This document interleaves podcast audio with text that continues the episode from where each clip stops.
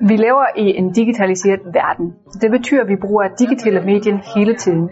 Når vi bruger de her digitale medier, så tænker vi ofte ikke så meget om vores brug. Det er meget i baggrunden, vi bruger den som værktøj. Vi kommunikerer igennem digitale medier. I min forskning, der rykker jeg digitale medier i forgrunden. Jeg er selv kommunikationsforsker, og det betyder, at jeg er særligt interesseret i den øh, kommunikationsrelation, der opstår mellem digitale medier og mennesker.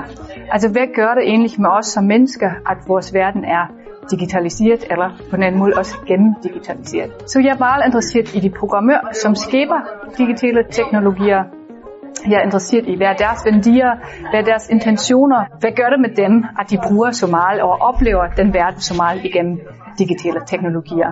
For mig er det særlig vigtigt at ikke kun se på teknologien i sig selv, eller kun på mennesker, men især på den relation. Fordi det, der kommunikerer til brugeren, og brugeren skal kommunikere tilbage. Og hvorfor kommunikerer de egentlig? Fordi uh, det, der provokerer en særlig reaktion hos brugeren, det betyder, at vores oplevelse er anderledes, og vi skal også reagere uh, på de her digitale teknologier. Et eksempel på Øh, den kommunikationsrelation mellem mennesker og data er målrettet indhold, for eksempel på Facebook.